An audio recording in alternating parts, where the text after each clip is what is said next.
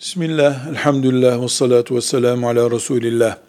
Resulullah sallallahu aleyhi ve sellem Efendimizin bu adamın borcu vardıysa buyurun cenazesini siz kılın ben kılmıyorum şeklinde uygulaması vardır.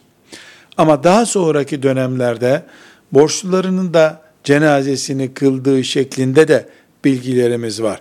Dolayısıyla bir Müslüman insanlara borcu vardır diye cenazesi kılınmayacak, Müslümanların camisine gelmeyecek şeklinde bir fıkıh kuralı yoktur.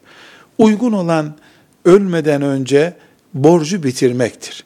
Bu nasip olmadıysa varislerinin, sevenlerinin cenaze namazı kılınmadan önce bu borç ilişkisini bitirmeleri, en azından senet vesaire verip biz e, ölenin kefiliyiz, borcunu ödeyeceğiz demeleridir.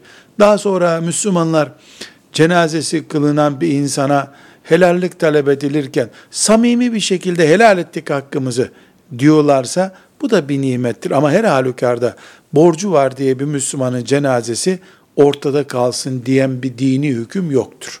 Velhamdülillahi Rabbil Alemin.